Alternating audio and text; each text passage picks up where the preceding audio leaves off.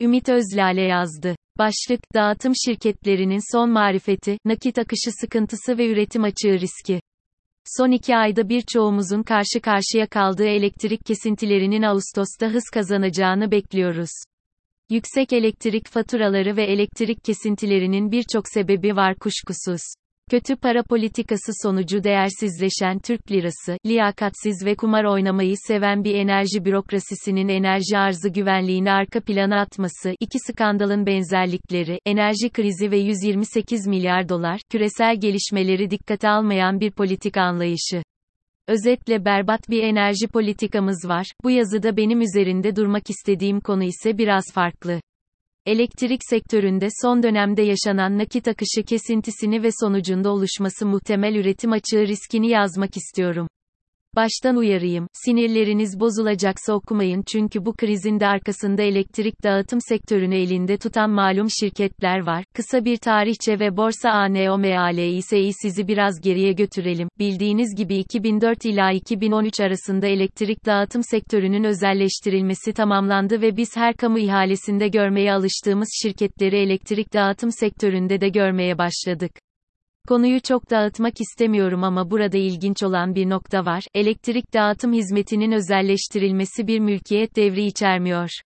Sadece dağıtım hakkı bir süreliğine özelleştirmeyi alan şirkete veriliyor. Yani bu şirketler güçlendirmek için güya yatırım yaptıkları bir altyapıyı kullanarak elektrik dağıtıyorlar ama bu altyapıya sahip değiller. Neresi mi ilginç? Üzerlerinde hiçbir mülkiyet hakkı olmayan ve bir süre sonra da dağıtım hakkını pekala kaybedebilecek bu şirketlerin bazılarının hisseleri borsada işlem görüyor.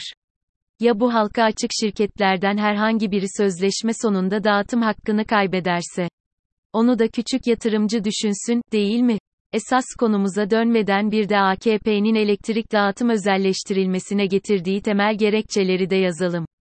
Bu şirketler elektrik dağıtımını yapacakları altyapıyı yapacakları yatırımlarla güçlendirecek ve elektrik kayıp kaçak oranlarını düşüreceklerdi. Kayıp kaçak oranlarının düşmediğini biliyoruz. Yatırımların da ne kadar etkili olduğunu altta anlatıyorum zaten.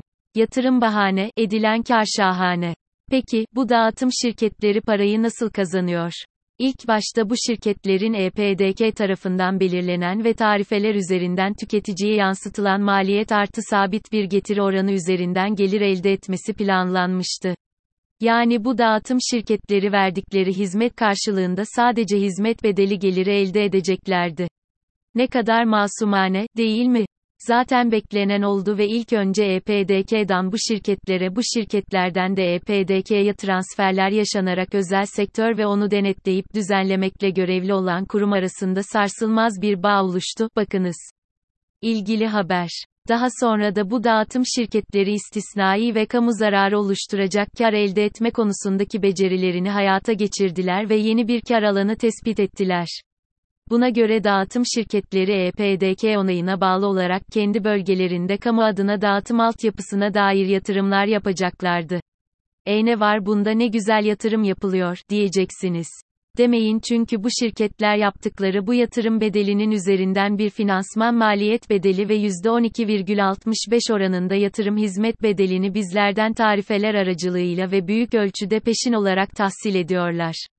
Finansman maliyet bedeli olarak da TCMB reskont kredisi faiz oranı alınıyor. Peki, bunun parası kimden çıkıyor? Tarifelere yansımak suretiyle ve tabii ki de bizden çıkıyor. İşte şirketler, bu süreçte daha da fazla kar elde etmek için tamamen hakim oldukları EPDK'dan onay almakta zorlanmadan bir sürü ve gereksiz yatırımlar yaptılar. Bu yatırımların ne kadar etkili olduğunu en son Isparta'da gördük. Piyasa faiz oranlarının düşük olduğu dönemde bu dağıtım şirketleri yukarıda bahsettiğim mekanizma ile Allah gözlerini doyursun çok ciddi karlar elde ettiler. Sakın burada kimse altyapı yatırımını üstlenen şirketle dağıtımı yapan şirketin aynı olmasının yasal olarak mümkün olmadığını söylemesin. Kısa ve vahşi batı ağzıyla cevap verecek olursak, hey dostum, AKP iktidarındayız. Gördüğünüz gibi buraya kadar dağıtım şirketleri için adeta bir cinderelle hikayesi var. Nokta. Peki, bu hikayede saatler ne zaman gece yarısını gösteriyor? Piyasa faizleri yükselip MB faizleri düştüğü zaman. Yani NAS döneminde. Bu dağıtım şirketleri öz kaynakları yetersiz olduğu için taahhüt ettikleri yatırımları banka kredisiyle finanse ediyor. Karşılaştıkları kredi maliyeti TCMB reskont kredisi faiz oranı artı %12,65 yatırım hizmet bedelinin üstüne çıkınca da kar mekanizması tersine işlemeye başlıyor. Peki, o zaman bu dağıtım şirketleri ne yapmaya başlıyor? Hiç üzülmeyin, zarar etmiyorlar. Zaten yazının ana temasını oluşturan konu da bundan sonra başlıyor. Bu dağıtım şirketleri bizden tahsil ettikleri ve günlük olarak EPİAŞ'a aktarmaları gereken parayı aktarmak yerine kullanmaya başlıyorlar. Piyasada takas görevi gören ve dağıtım şirketlerinden alacağı parayı elektriği üreten şirketlere veren EPİAŞ'da dağıtım şirketlerinden para tahsil edemeyince sektörde bir nakit akışı kesintisi meydana geliyor.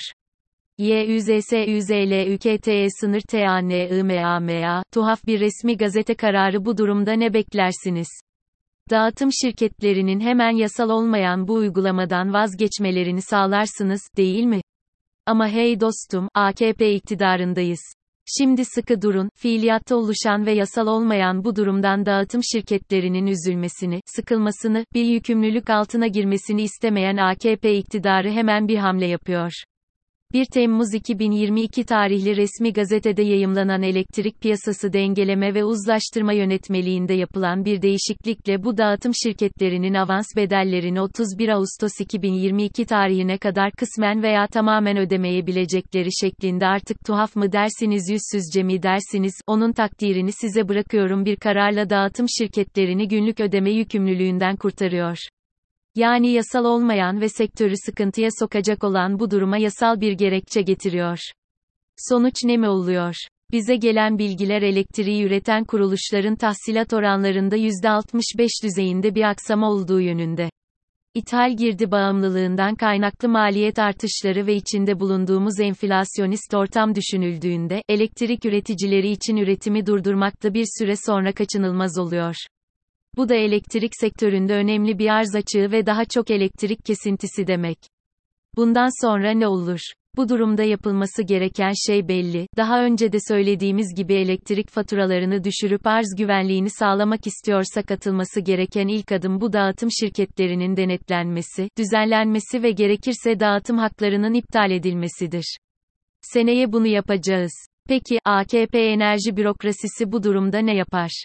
Dağıtım şirketleriyle tamamen duygusal bir ilişki yaşadıkları için dağıtım şirketlerine dokunacaklarını sanmıyorum. Tahminim AKP bir kamu kurumu olan EÜAŞ'ı devreye sokacak. Elektrik üreten özel şirketler ürettikleri elektriği EÜAŞ'a satıp paralarını da ondan tahsil edecekler. EÜAŞ da parasını EPİAŞ'dan en azından bir süre tahsil edemeyeceği için hatırı sayılır bir zarar edecek. Bu zarar da ödediğimiz vergilerden oluşan bütçeden karşılanacak. Yani AKP BOTAŞ yalnız kalmasın diye yanına bir de EÜAŞ'ı ekleyecek. Günün sonunda bir kez daha karın özelleştiği zararın kamulaştığı bir AKP soygunuyla karşı karşıya kalacağız.